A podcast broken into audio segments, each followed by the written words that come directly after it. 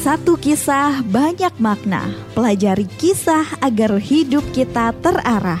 Sesaat lagi, ayah, bunda, dan adik-adik akan mendengarkan kisah-kisah yang akan disampaikan kakak-kakak dari Persaudaraan Pencerita Muslim Indonesia PPMI Lumajang. Indonesia berkisah, Indonesia berkah. Selamat mendengarkan.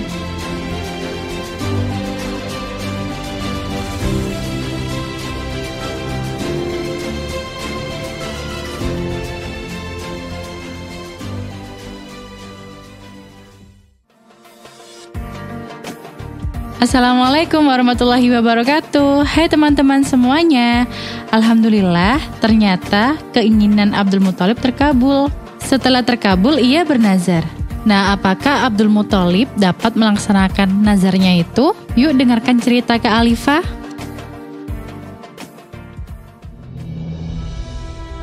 Adik-adik tersayang, Abdul Muthalib bernazar, kalau saja aku mempunyai 10 anak laki-laki, Kemudian setelah semuanya dewasa, aku tidak memperoleh anak lagi seperti ketika sedang mengali sumur zam-zam, maka salah seorang di antara sepuluh anak itu akan kusembeli di Ka'bah sebagai kurban untuk Tuhan. Ternyata takdir memang menentukan demikian. Abdul Muthalib akhirnya mendapat sepuluh orang anak laki-laki. Setelah semua anak berangkat dewasa, dia tidak lagi memperoleh anak dipanggilnya ke sepuluh orang anak itu. Termasuk si bungsu Abdullah yang amat disayangi dan dicintainya. Aku pernah bernazar untuk menyembeli salah seorang dari kalian jika Tuhan memberiku sepuluh orang anak laki-laki. Kesepuluh anaknya terdiam. Mereka memahami persoalan itu. Mereka juga melihat kebingungan yang luar biasa di mata ayah mereka yang berkaca-kaca. Namun, aku tidak bisa menentukan siapa di antara kalian yang harus kusembeli. Oleh karena itu, aku berniat memanggil jurukit untuk menentukannya. Di hadapan patung dewa tertinggi di Ka'bah, jurukit meminta setiap anak menulis namanya masing-masing di atas kit. Kemudian, dia mengocok anak panah tersebut di hadapan berhala Hubal. Nama anak yang keluar adalah Abdullah. Melihat itu, serentak orang-orang Quraisy datang dan melarangnya melakukan perbuatan itu. Batalkan keinginanmu Abdul Muthalib. Mohon ampunlah kepada Hubal supaya kamu bisa membatalkan nazarmu. Adik-adik tersayang, Sanggupkah Abdul Muthalib menyembeli anak kesayangannya? Apalagi tidak ada orang yang menyetujui niatnya itu.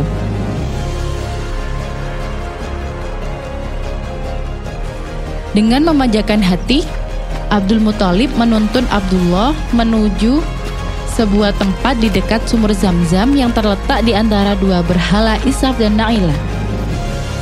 Di tempat itulah biasanya orang-orang Mekah melakukan pengorbanan hewan untuk dewa-dewa mereka. Namun, masyarakat semakin keras menghalangi Abdul Muthalib melakukan niatnya. Akhirnya, kekerasan hatinya pun luluh. Baiklah, tetapi apa yang harus kulakukan agar berhala tetap berkenan kepadaku? Kalau penebusannya dapat dilakukan dengan harta kita, kita tebuslah. Kata Muhiro bin Abdullah dari suku Makzum. Setelah diadakan perundingan, mereka sepakat menemui seseorang dukun di Yastrib. Berapa tebusan kalian? Tanya dukun wanita itu. Sepuluh ekor unta. Kembalilah ke negeri kalian. Sediakan tebusan sepuluh ekor unta. Kemudian undi antara unta dan anak itu. Jika yang keluar nama anak kamu, tambahkan jumlah untanya. Kemudian undi lagi sampai nama unta yang keluar. Mereka pulang dengan lega dan segera mengundi anak panah. Ternyata yang keluar adalah nama Abdullah. Mereka menambahkan tembusan unta dan mengundi lagi. Ternyata lagi-lagi nama Abdullah yang keluar. Demikianlah adik-adik tersayang, Abdul Muthalib menambah dan menambah terus jumlah unta. Ketika jumlah unta sudah mencapai 100 ekor, barulah nama unta yang keluar. Dewa sudah berkenan, seru orang-orang. Tidak, bantah Abdul Muthalib. Harus dilakukan sampai tiga kali.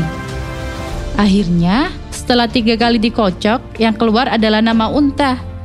Seratus ekor unta itu pun disembeli dan dibiarkan begitu saja tanpa disentuh manusia dan hewan.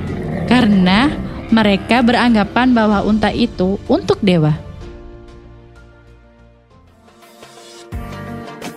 Nah, seperti itu cerita Abdul Muthalib yang nazarnya dapat diganti dengan 100 ekor unta. Kalau adik-adik suatu saat nanti punya nazar, jangan lupa tetap dilakukan ya, karena nazar itu adalah niat seseorang untuk melakukan suatu amal ibadah jika keinginannya tercapai. Misalnya, seorang anak bernazar akan melakukan puasa jika dia lulus dengan baik.